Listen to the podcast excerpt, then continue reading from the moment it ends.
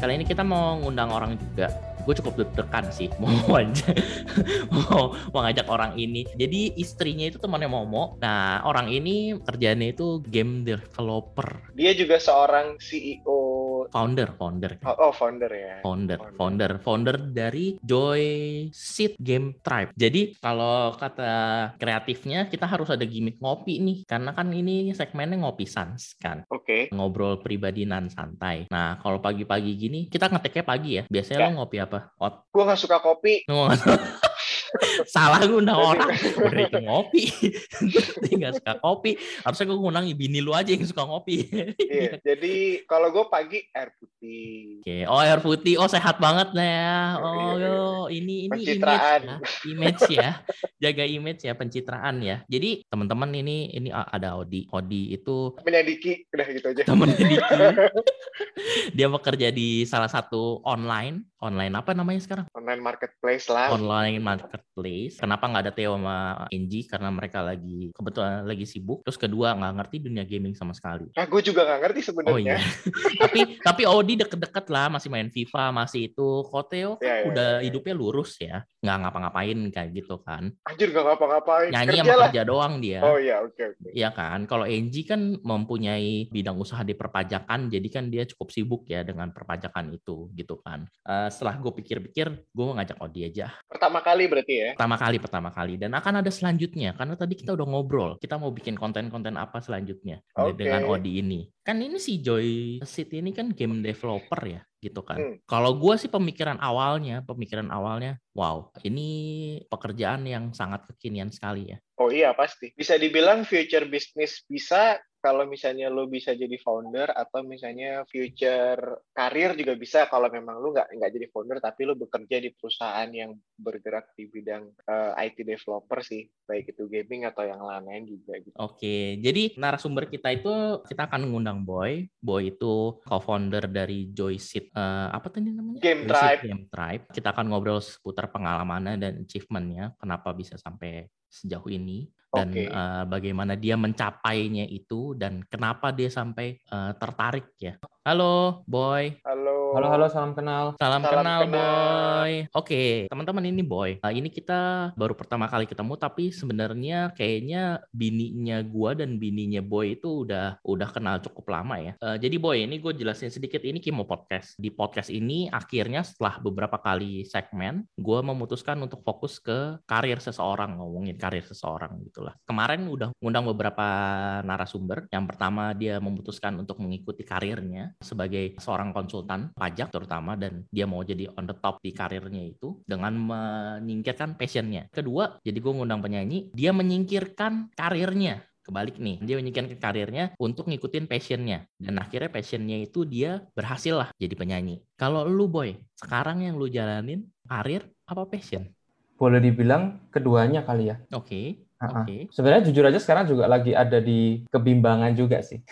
Gimana? Loh, loh. Panjang ya ceritanya tiba-tiba langsung kebimbangan. Jangan, jangan, jangan, jangan, jangan, Jangan, jangan, jangan. Mungkin bisa dimulai dari kayak eh, awalnya gimana sih? Kalau gue baca-baca juga kan bukan yang baru kemarin gitu ya. Kalau nggak salah 2015 ya, apa 2016 ya? 2015 Nah, itu gimana mulainya kok bisa ada joystick ini gitu? back, cerita background kali ya. Yes. Ah, Boleh, boleh, boleh. Ya kan, gue lahir dari keluarga Chinese parent ya, Hmm. dan orang tua itu entrepreneur lah asalnya. Maksudnya entrepreneur buka toko, buka tanda kutip. Ya, ya, ya. Sebenarnya kayak mau buka usaha gitu itu jadi entrepreneur itu udah mungkin udah agak semacam default gitu loh. Yes. Ya. Even dari waktu gue kuliah, gue tahu gue akan buka usaha pada suatu saat nanti gitu. Gue orang Surabaya by the way, jadi kayak ke Jakarta merantau dan sebagainya. Jadi dari dari dulu tuh nyokap punya kayak toko kelontong gitu. Dulu jam belum ada banyak Indomaret dan sebagainya. Ya itu Yes. udah, udah lumayan sering ngebantu lah. Kalau bokap punya toko, punya kerjaan garmen lah kayak gitu. Eh, yang paling sebenarnya banyak mengubah hidup itu sebenarnya kejadian waktu kuliah. Jadi ya gue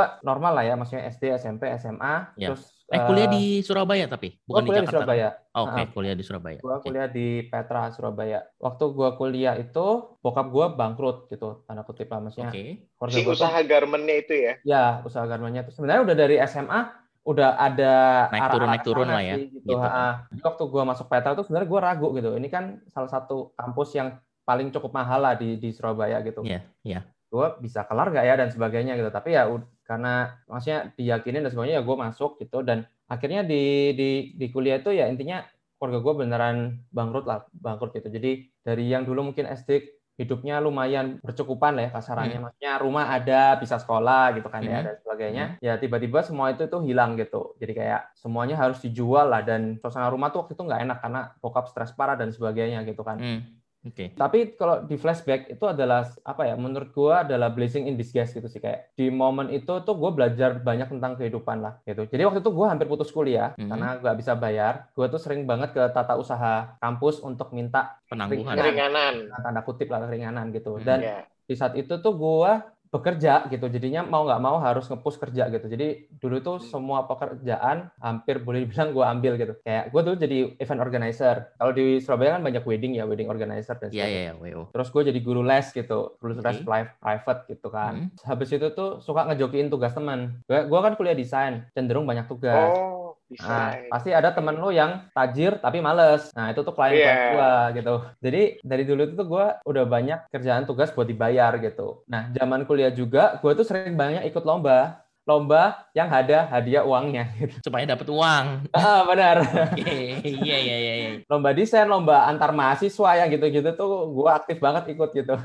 Oh oke oke oke. Soalnya tujuannya motivasinya duit sih. Ya waktu itu gue juga udah part time lah part time di sebuah studio game. Dan waktu itu tuh banyak beberapa yang tentang game gitu. Dan menurut gue gue lumayan interest gitu interest banget gitu. Dari kecil ya gue tipikal anak yang lumayan hobi main game lah gitu kan. I think it's nice experience aja waktu kecil main kayak gitu. Dan waktu gue kuliah kayak gitu, gue merasa hal ini industri ini tuh sangat menarik gitu. Di titik waktu gue bangkrut dan sebagainya, drive gue untuk jadi orang sukses tanda kutip gitu ya, itu tuh hmm. gede banget lah. Kayak oh gue harus sukses gitu. Naifnya adalah mau sukses di industri game waktu itu tuh kayak gitu. Pengennya gitu kan di industri yang kayaknya menurut lu menarik nih gitu kan? Benar oh, benar oke oke. Oke dari pengalaman itu kan dari awal-awal kan lu udah ada yang mendorong lu lah sampai akhirnya terjun nih di dunia game ini gitu kan. Profesi lu tuh sekarang itu kok nggak salah namanya game developer ya? Bener gak sih gua? Kalau company-nya sih ya company-nya game development. Oh gitu. Jadi profesi lu itu sekarang apa sih namanya boy? Kalau as title karena gue yang ngedari ngediriin sama mimpin perusahaan perusahaannya sekarang founder dan CEO. Uh, uh, uh. Nah, oh, tapi okay. kalau company-nya itu bergerak di game industry, tapi oh, spesifiknya industry. yang hmm. developing the product. Oh. Maksudnya game industry kan luas ya, ada yes. ada media, ada event, ada publisher dan sebagainya, distributor mungkin kalau yang masih jualan fisik PS5 dan sebagainya. Kalau gue okay. tuh fokus dibikin produknya. Produk gamenya gitu kan maksudnya kan. Game lo itu apa ya? Rocky Rampage. Oh, Rocky Rampage. Rocky Rampage, Hollywood. Hollywood. Hollywood oh. Kingdom Topia. Bisa dilihat di App Store atau Google Play sih. Oke. Okay. Oh dia udah mau main tadi, cuman belum download dia. Baru mau download. Baru mau download. Rocky Rampage cukup terkenal sih. Itu kayaknya salah satu yang booming juga ya. Iya itu salah satu produk kita yang mungkin boleh dibilang yang cukup berhasil lah. Awal mulanya gimana sih? Gue cuma berpikir waktu lu mendevelop hmm. atau lu mau itu, oh gue mau game jenis RPG atau adventure atau apa gitu. Gimana sih yeah. caranya? Prosesnya itu gimana? Ya, yeah, proses mengalirnya nih dari kayak tadi, ah lu suka game, terus uh, akhirnya memutuskan untuk uh, mendevelop satu game, itu gimana? Kalau proses dari awalnya di karir sih, tadi ya karena gue udah tahu gue pingin pingin bikin bisnis di dunia game. Yeah. Awalnya selalu lulus gue cari perusahaan, opportunity, bekerja hmm. di sana gitu dan akhirnya yeah. gue keterima lah di sebuah perusahaan di game di Jakarta gitulah. Mm-hmm. Oke. Okay. Ya setelah belajar di sana ngerasa waktu itu udah ngerti nih cara bikin game gitu. Akhirnya memutuskan resign dan ngebangun Joyset ini di tahun 2015 itu. Waktu itu tuh umur gue masih 23 tahun lah. Hmm. Ya mentalnya kayak nothing tulus aja gitu kayak gue udah nggak punya apa-apa. Hajar aja ya. Tapi memang biasanya begitu Hajar sih. Hajar aja. Mau Jadi, mau. Oh. Ya, masa gue nggak bisa ngidupin diri sendiri lah waktu itu. Jadi kayak mendingan kalau nekat nekatnya waktu muda gitu. Jadi waktu hmm, udah bener. udah lebih bisa nanti bisa lebih lebih aman lah. Waktu itu mikirnya kayak gitu sih. Ya hmm. akhirnya mulai mulai bikin company. Tapi ya ternyata sadar bahwa bikin game dan bikin company adalah dua hal yang berbeda gitu. Bikin game adalah bikin sebuah produk tapi bikin company itu ada orangnya ada elemen-elemen bisnisnya dan sebagainya gitu. Kalau proses bikin game itu gimana? Sebenarnya es karena kita bikin company kita bikin bisnis kita harus pikirin game apa yang bisa menghasilkan uang. Okay. Dan kebetulan waktu itu kita pinginnya fokusnya bisnis modelnya ke fokus ke langsung ke B2C. Jadi kita bikin produk bukan untuk klien misalnya bank butuh game atau apa kita ke Yeah, yeah, yeah. gitu, tapi kita beneran bikin game untuk langsung ke user. Ke end user langsung ya. Ah, ke end user langsung gitu. Nah, untuk itu prosesnya gimana ya kita harus tahu kira-kira yang lagi ngetrend up, yang mungkin sukses apa gitu, terus sama capability kita juga gitu. Normally dulu waktu pertama kali gue lulus kuliah dan sebagainya, pemikirannya pasti pingin bikin game yang kita dulu mainin waktu kecil gitu, kayak oh pingin bikin game RPG lah, Final Fantasy atau mungkin MMORPG gitu kan kayak Ragnarok zaman-zaman itu. Yes, Cuman yes. itu jujur aja di luar capability kita gitu. Mereka tuh company kayak Square Enix dan sebagainya itu mungkin employee-nya udah ribuan atau bahkan segitu gitu. Terus kita Mhm. yang game industrinya ketinggalan, resource-nya yang terbatas, apa sih yang kita bisa kerjakan? Nah mungkin kalau proses mikir biasanya keluar ide gamenya dari situ sih. Oh. Oke.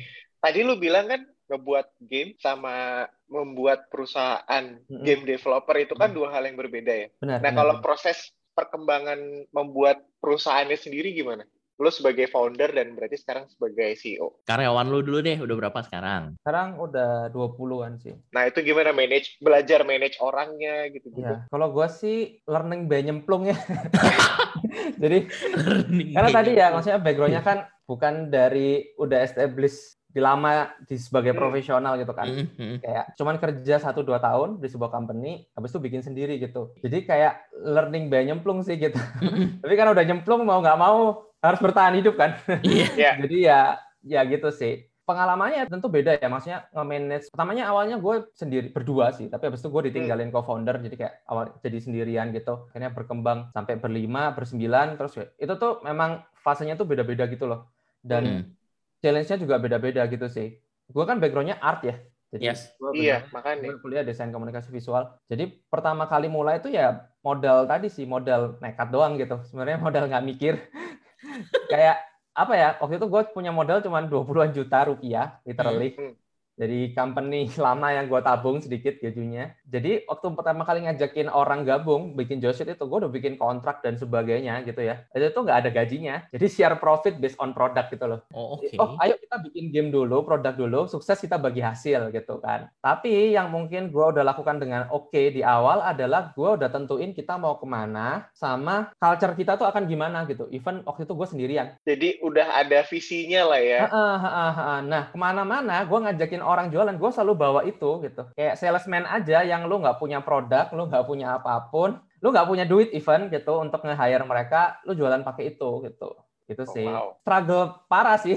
Terutama waktu kata tadi lu sempat sempat ngucap yang pertama kali lu ajak malah nggak bertahan Iya. sehingga lu sendirian. Terus itu itu gimana? Perkembangannya sehingga lu bisa mengajak yang lain lagi. Jadi waktu empat bulan jalan, orang yang pertama kali gue ajak itu, saya gue nggak bisa deh kayak gini gitu kan. Gue Hmm. lanjut full time ya gitu. Oh tidak gitu kan. Tapi gue udah resign gitu. Cari partnernya gimana sih? Lumayan gila sih waktu itu kayak gue dulu kan di company lama walaupun cuma satu dua tahun, tapi gue naik cukup cepat lah jadi lead dan sebagainya gitu kan. Ya. Hmm. Gue tuh punya beberapa orang yang apply ke company gue yang lama gitu. Terus Liston itu tuh gue Oh. approach kayak Oh. gitu.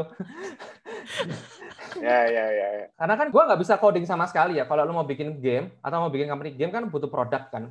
Yes. Produk itu butuh tag gitu, butuh butuh. Betul. Nah, gue butuh orang tag itu. Nah, partner gue yang pertama itu orang tag sebenarnya. Oh. Gue bisa gue bisa desain, gue bisa art, tapi gue nggak bisa coding gitu. Intinya karena itu gue cari orang tag itu sih. Akhirnya panjang sih, ya banyak ada yang kelihatannya mau terus tiba-tiba pergi dan sebagainya. Sebenarnya prosesnya banyak banyak buang waktunya. Mhm. Gue ketemu co-founder gue akhirnya. Mhm. Jadi sayangnya co-founder gue juga backgroundnya bukan tech waktu itu, tapi Mhm. uh, ada orang yang believe lah sama gue. Terus waktu kita jalan gitu, dia lumayan stay gitu.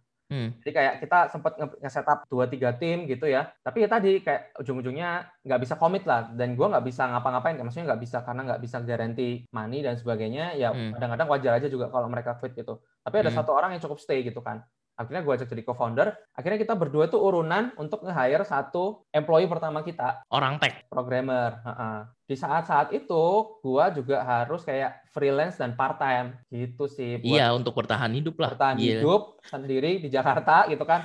Sama yang kedua ngasih gaji gitu. Ngasih Iya, gaji iya, orang iya. pertama itu gitu.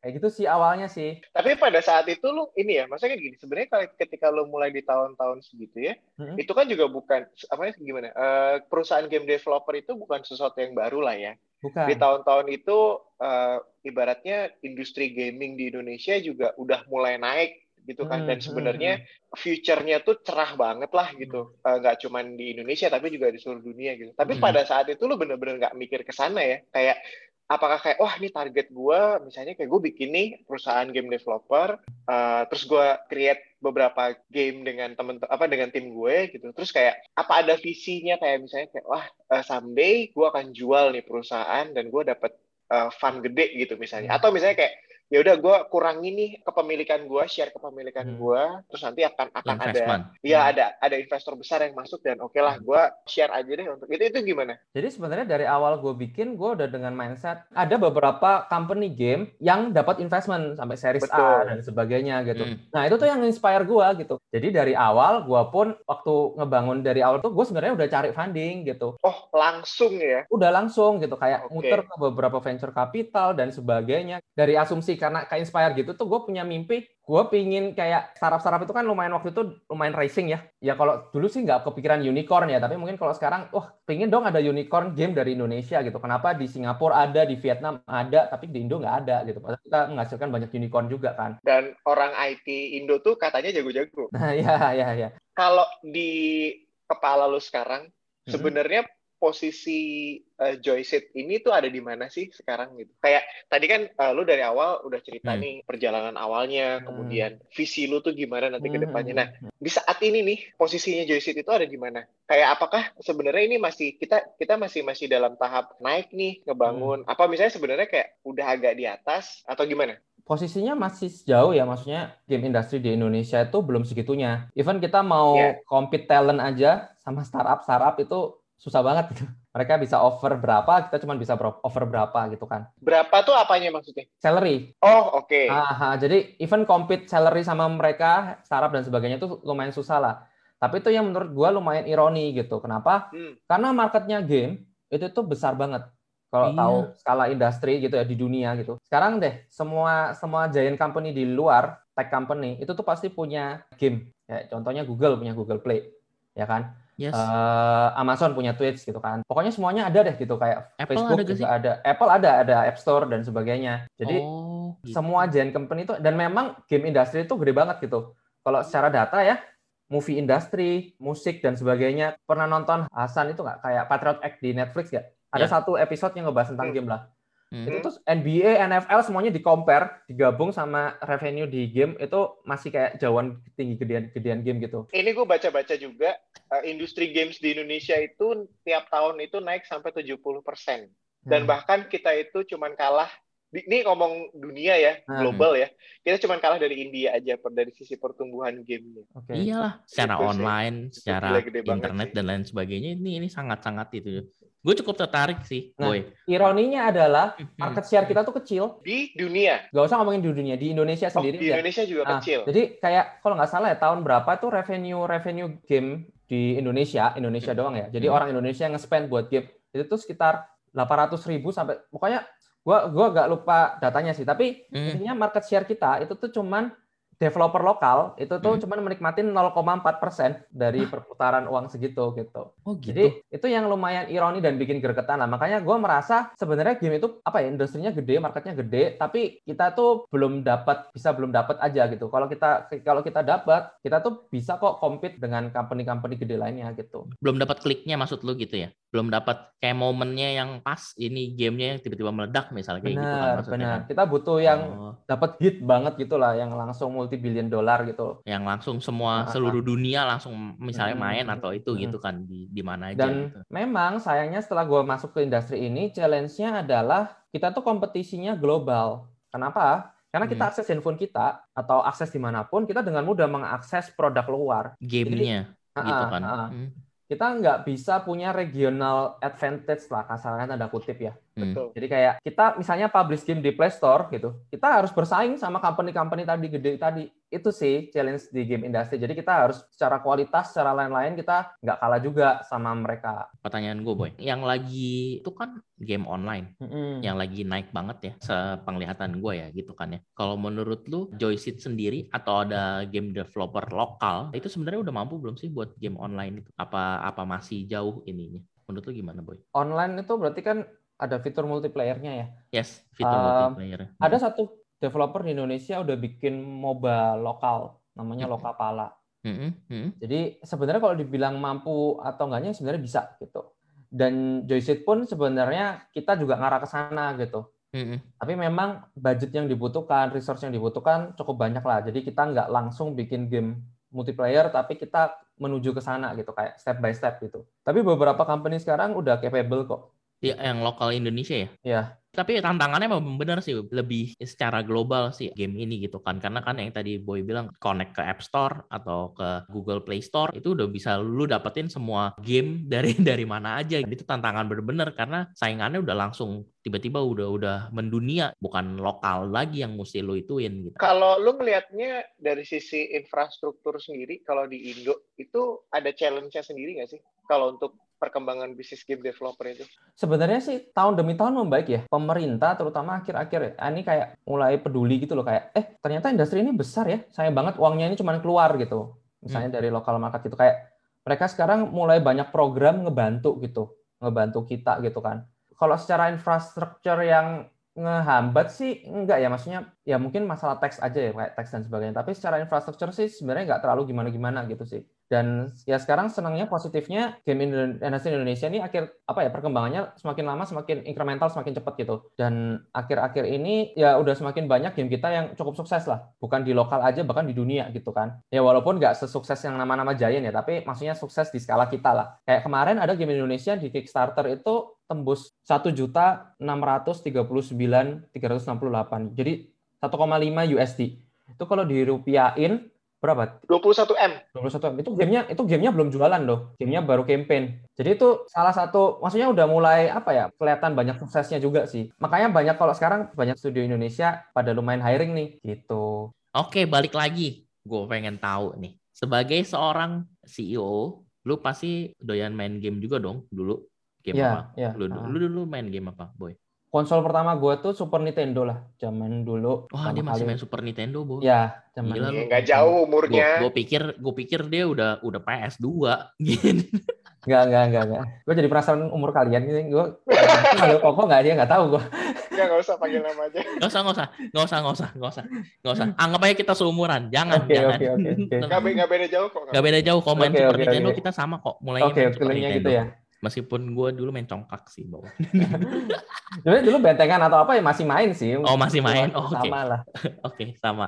Jadi Super Nintendo, terus Ah, game-game PlayStation 1 banyak yang gue suka juga sih dan hmm, dulu main jadi anak warnet zaman-zaman CS. sebelum CS bahkan kayak masih Battle Realm, Anjir. eh. Run of Alred yang masih belum ada game online terus habis itu mulai Iya, iya. masuk itu Ah, sebelum Ragnarok apa ya sebelum Hmm. Ragnarok nah Hmm, kayak hmm, gitu-gitu mulai mulai ada game online ya CS Hmm. juga sempat main gitu Oke, oke. dulu lumayan parah sama Dota sih Dota, iya, iya. Nah, ah, ah. jadi ya dulu gua SMP suka olahraga juga kalau nggak main basket ya main warnet Oke. Agak imbang. Biasanya orang kalau gaming mas olahraga. oh iya, iya, iya. Oh, tapi tapi mungkin bener sih oh dibilang sih kayak gue punya teman-teman game industri rata-rata kan suka main game ya cenderung Hmm. nggak suka olahraga sih kayak Ya emang. Duduk aja udah. Boy, pertanyaan gue ada yang lain. Kan Ah. udah nih waktu lu memutuskan ke Jakarta, mm-mm. waktu lu bekerja sama orang lain, mungkin dari sisi keluarga atau orang tua lu itu tenang-tenang aja.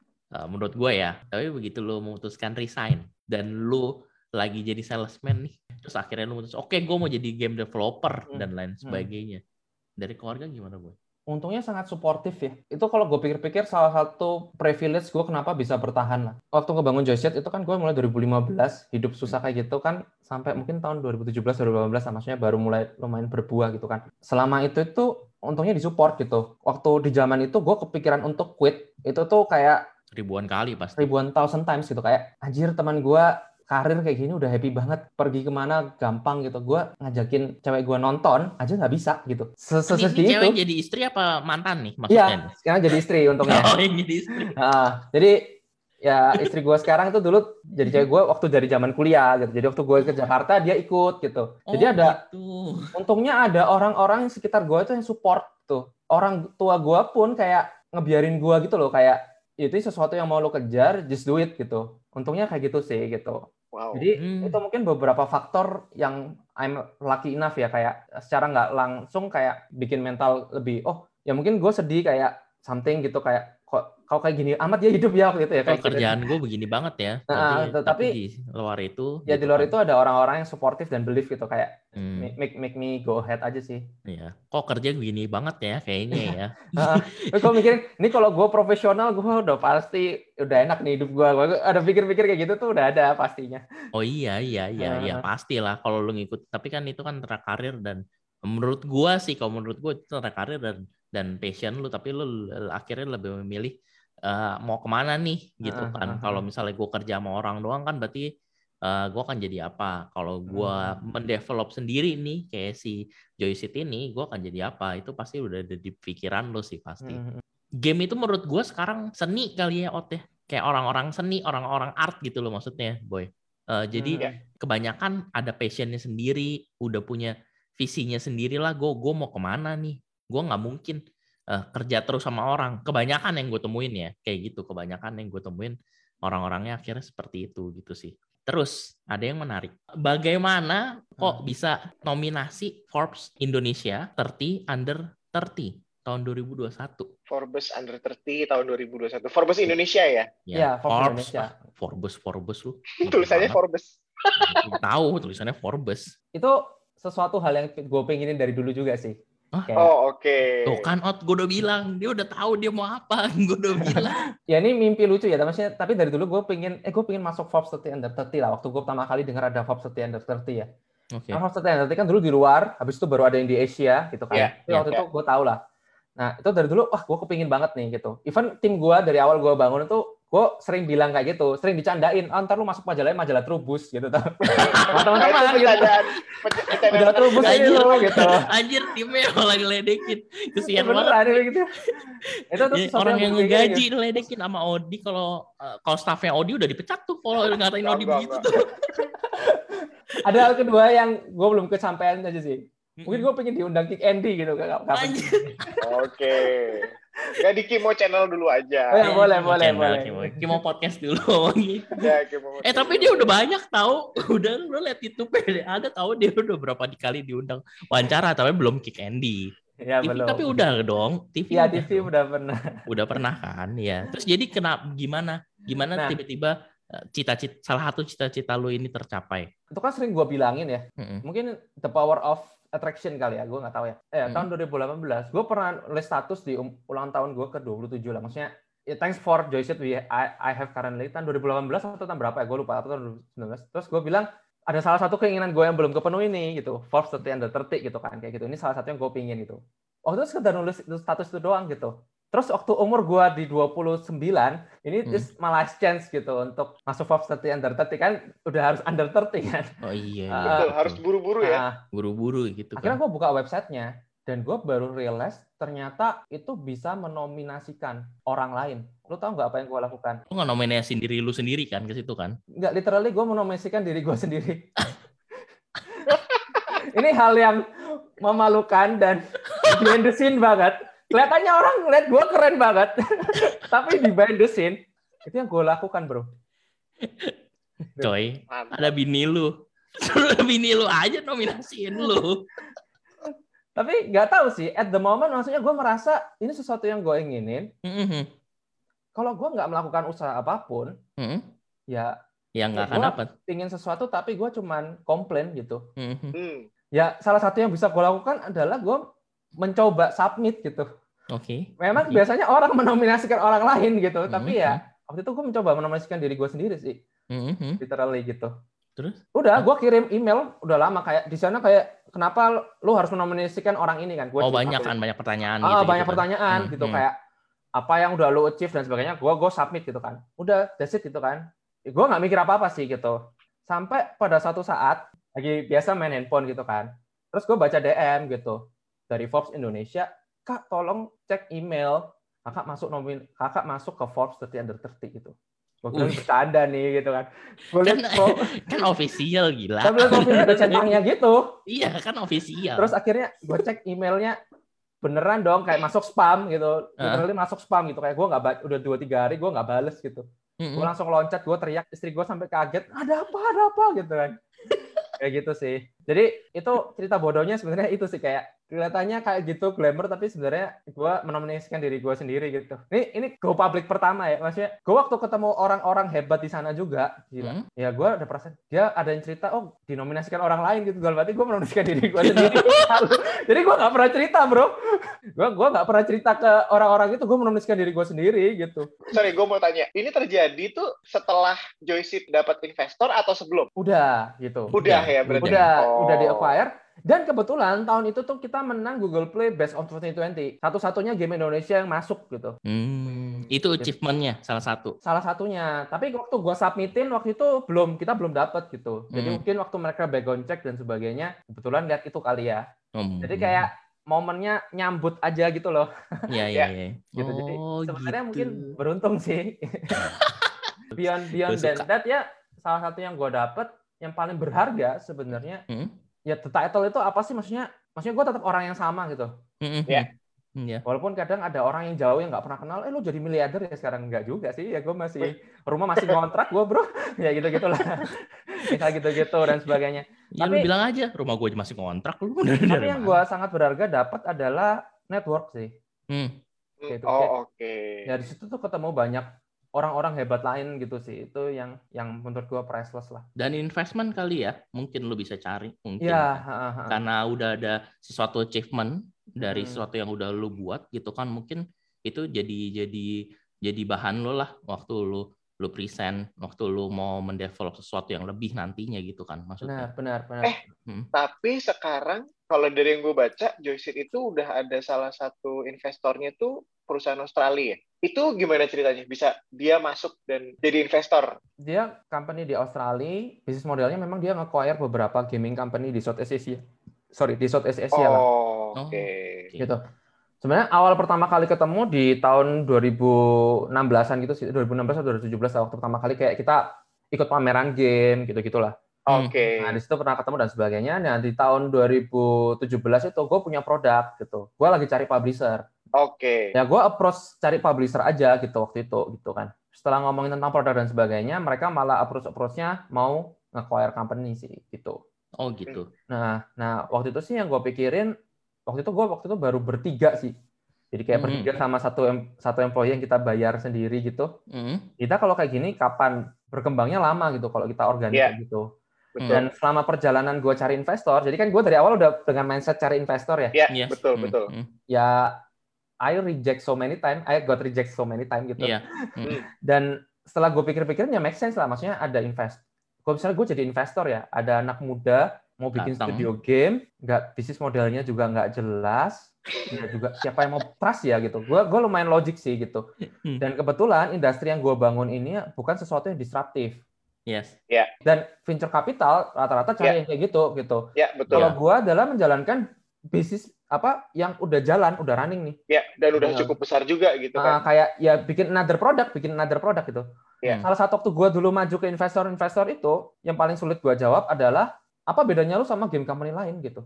Yes. Itu pertanyaan gue nggak bisa jawab sih. Kayak Kalau sekarang udah bisa jawab. sebenarnya tetap sama, lumayan Oh, susah. oke. Ah, kayak apa ya? Maksudnya oke lah, misalnya kita punya kualitas art lumayan gitu.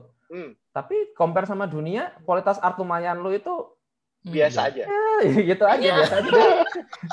Nggak punya Iya. sesuatu yang unique selling point yang menonjol gitu. Yes. Hmm. kayak kayak gitu sih kayak gitu kayak oh misalnya gue mau mau bikin eh, game yang misalnya bisa mengubah hidup orang gitu banyak Hmm. juga yang udah gitu Hmm. Kayak gitu sih jadi kayak kayak kayak susah gitu di situ gue realize lah kayak oh ternyata lumayan susah ya kalau cari venture capital konvensional gitu kan Hmm. dan background gua juga tadi bukan background siapa-siapa gitu kan. Waktu gua pitching itu bro, kayak lu Hmm. main minder gitu kayak yang satu lulusan Harvard gitu kan. Oh ya. Ya kayak gitu-gitu backgroundnya Ya, gitu. ya. Terus ada yang udah startup exit kedua, exit ketiga, mereka udah mem- Hmm. memprove bahwa mereka bisa bikin return. Ya. Nah, gua company pertama, pengalaman dari mana? Bukan bukan pengalaman lulusan Facebook, bukan dari Google gitu Ya, juga juga ya, enggak ya. gitu. Kayak gua dari company di Jakarta. Ternyata enggak gampang juga cari fundraising.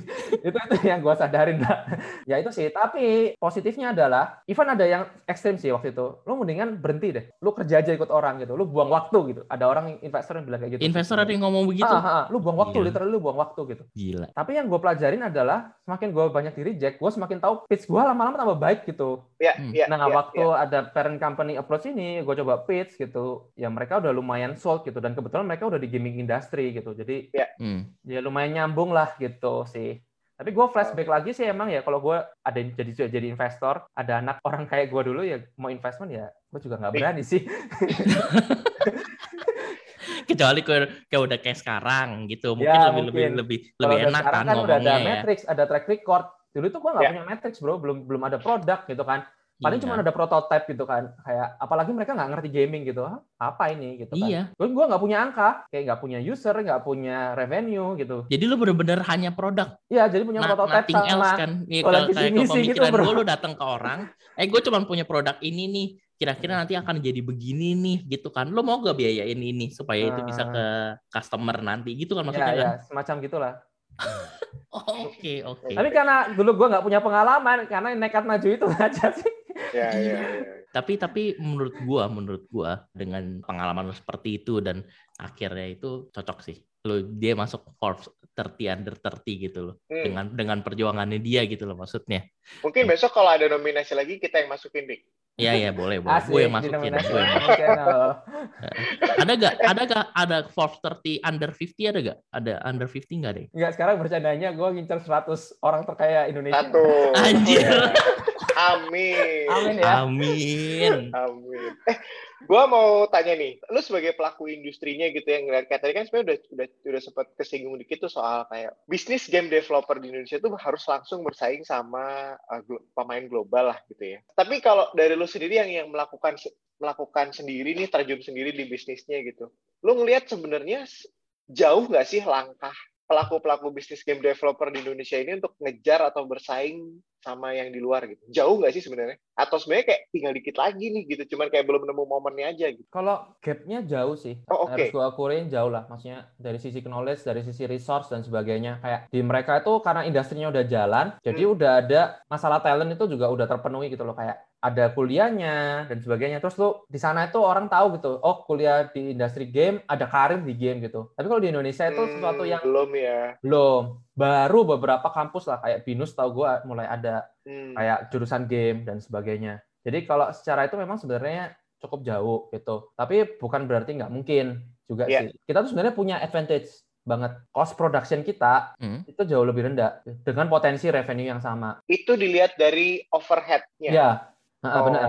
Kalau bayangin Mbak, gaji orang di US Ya, ya, sama ya, gaji ya, orang ya. di Indo, ya kan beda beda, beda banget gitu. Hmm, sih. oke Jadi sebenarnya kita punya advantage itulah gitu. Dan ya sekarang ini gaming itu juga berkembang juga sangat cepat. Sekarang lagi hot blockchain game, Blockchain game. blockchain Ya. game. apaan Ya, tuh ya, ya. apaan Kayak NFT, NFT art dan sebagainya, Mhm, tapi ini game. Jadi konsepnya adalah play to earn. Oh, lu main iya. lu dapet duit gitulah kayak kayak gitu-gitu. Ada Nah, temen gue yang baru baru lagi excited excitednya main NFT game ada. Nah. Dan dia meracuni temen gue yang lain. oh gitu Kalau Oh. misalnya ini jadi bakalan jadi mass adoption nanti gitu. Kayak dulu kan mobile juga kayak gitu kan. Ada Hmm. mobile gitu kan. Tiba-tiba Iya. ada mobile game dan sebagainya gitu. Ya sebenarnya apa ya? Kita masih bisa keep up gitu loh. Kalau kita ngikutin gitu. Karena start starting point-nya nggak ketinggalan-ketinggalan banget lah. Dan kebetulan kalau blockchain game itu tuh kebetulan player gedenya malah di Southeast Asia karena banyak yang menggantikan daripada gaji UMR mereka yang kecil mendingan gua main game dapat uang lebih gede gitu gitulah konsepnya sampingan ya jadinya ya? sampingan ya ya? gitu Nggak jadi makanya sampingan jadi utama kali itu. jadi utama kalau buat beberapa makanya ada satu game namanya Axie Infinity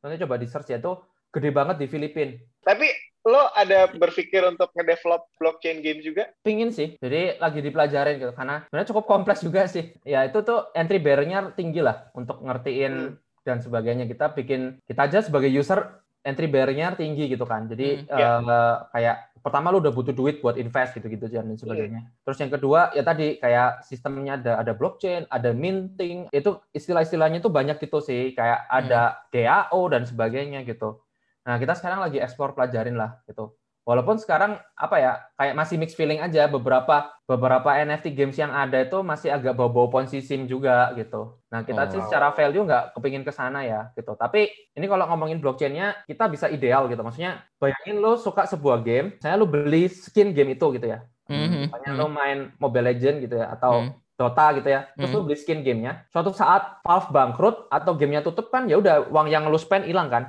Hilang, Yes. betul. Bayangin uang yang lu spend itu, itu tuh lu eh, kepemilikannya jadi kepemilikan lu secara digital dengan adanya teknologi blockchain gitu. Hmm, betul. Oh, kayak gitu. Misalnya lu mau, oh udahlah gua nggak mau main, tinggal lu jual gitu.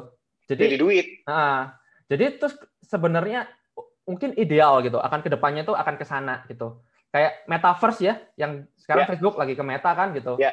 Ya Hmm. bayangin berarti kepemilikan lu semuanya di digital mungkin akan kebantu dengan teknologi blockchain juga gitu kayak ya mungkin arah-arahnya ke sana gitu tapi itu juga masih spekulatif ya apakah akan jadi mass adoption Hmm, ataukah ternyata ini enggak gitu Oke. Tapi sebenarnya kalau dilihat sekarang sih hmm, menarik banget sih itu. menarik tapi juga agak bubble-bubble Ya, banyak yang Oh. soalnya nggak ngerti apa-apa Ikutan. ikutan gitu sekarang tuh kita Oh. banyak di approach investor-investor yang tadi kayak ayo bikinin gua game NFT gitu gitulah gitu gitu Hmm, Oh, itu bu- bukannya kadang hati-hati apa ya? Gue berpikirnya kok jadi sedikit judi ya. Jadinya gue mikir. Iya, iya, makanya ada sekarang apa ya? Ada feel-feelnya masih kayak gitu, ada yang Mm. feel-feelnya masih ponzi sim. Mm-mm. Jadi kayak orang earn money karena ada orang baru join gitu-gitulah. Ya, ya, ya, Ah, ya. ah, ah. MLM ya, jadinya ya. Hmm, Ya bukan, kan, bukan. Earn money kan kalau lu ngajak temen nanti lu dapet duit gitu kan? Enggak kan? gitu Enggak sih. gitu. ya? Kayak kayak curren- kayak kayak sekarang blockchain gitu. Kenapa blockchain eh kenapa eh kayak cryptocurrency, contoh Bitcoin. Mm, Kenapa Bitcoin harganya naik terus? mm, Karena banyak orang yang trust terhadap Bitcoin gitu. mm. Jadi sebenarnya konsepnya pun sama. Kalau orang banyak trust ke game lo, currency lo atau sesuatu yang lo value akan selalu naik gitu karena Naik. demand-nya Iya. Oke. demand-nya banyak gitu sih. Sebenarnya konsepnya kayak negara aja sih gitu. Oke, oke. Iya, iya, iya. Republik Indonesia bisa aja cetak uang berapapun kan. Iya. Ya kan kayak gitu-gitu. Tapi kita nge-value, kita percaya negara ngejaga. Jadi kalau harga 10.000 buat beli batagor Hmm. itu value-nya beneran gitu. Nah, kalau orang Ya. percaya beli Bitcoin, lu kasih mobil, berarti kan ada value-nya gitu. Yes. Ya. Oke, boy. Dari Joyceat sendiri atau dari lu sendiri apa yang lu mau lakukan ke depannya? Kalau kalau dari kita sendiri, kita sekarang lagi expanding dan dan Hmm. kalau Oasis sendiri lagi mengeksplor blockchain juga, Hmm. sama kita pengen ngejar ultimate goal kita, kita pengen bikin multiplayer game juga gitu, Hmm. gitu sih. Dan mimpinya sih kita pengen orang kerja di industri game di Indonesia itu sejahtera gitu, bukan cuman karena passion. Gitu. Oke. Sayangnya dulu kayak banyak, terutama di zaman-zaman gua dulu masuk industri game itu gajinya agak sedikit lebih kecil nggak apa-apa, tapi karena passion gua ngerjain passion gua gitu. Kan Hmm. lumayan ironi ya, maksudnya. Ya. Jadinya nggak sebuah industri itu. Industri ya karena harus ada sejahtera lah. Itu salah satu yang pengen kita achieve juga lah. Soalnya kita sangat mungkin gitu. Dari keuntungan game, kita punya Hmm. gaji selevel Malaysia atau even Singapura aja mungkin Oke, banget gitu. Bisa. Oh, dari komen lu lah atau pesan-pesan lu lah untuk yang dengerin kalau dia lagi bimbang nih kayak lu dulu nih Hmm. eh, pengen kerja di jadi game developer atau apa kayak gitu menurut lu gimana? Kalau menurut gua sih, Hmm. mulai aja dulu sih. Apa yang lu pinginin itu nggak akan berubah jadi action kalau lu cuman pinginin doang gitu. Tapi ke keinginan itu udah nice lah. Maksudnya kan lu udah keinginan. Habis Hmm. keinginan lu harus planning. Ya kan kedua. Hmm. Selalu planning lu harus action gitu. Soalnya kalau lu cuman ingin ingin ingin doang tapi lu do nothing, ya lu akan stuck di situ aja sih. Nggak akan ada bentuknya. Ah, ah, ah. Mendingan lu beneran tadi kepingin planning, cobain, ntar gak enak Belajar. atau apa, belajar ya, misalnya ternyata itu nggak cocok atau apa ya, tapi lu udah nyobain gitu. It's better daripada lu nggak nyobain kan. Oke. Jadi teman-teman nanti bisa ya eh, dicek sendiri Joyseed Game Tribe ya. Kalau nggak salah tadi gue udah sempat lihat ada websitenya, ada Ada ada Instagramnya juga gitu kan ya. Yang pasti kalau Download di- gamenya jangan download lupa. gamenya jangan lupa gitu kan. Download gamenya ya, cobain. Apa tadi eh, gamenya boy? Rocky Rampage. Rocky Rocky Rampage. Rampage, Hollywood.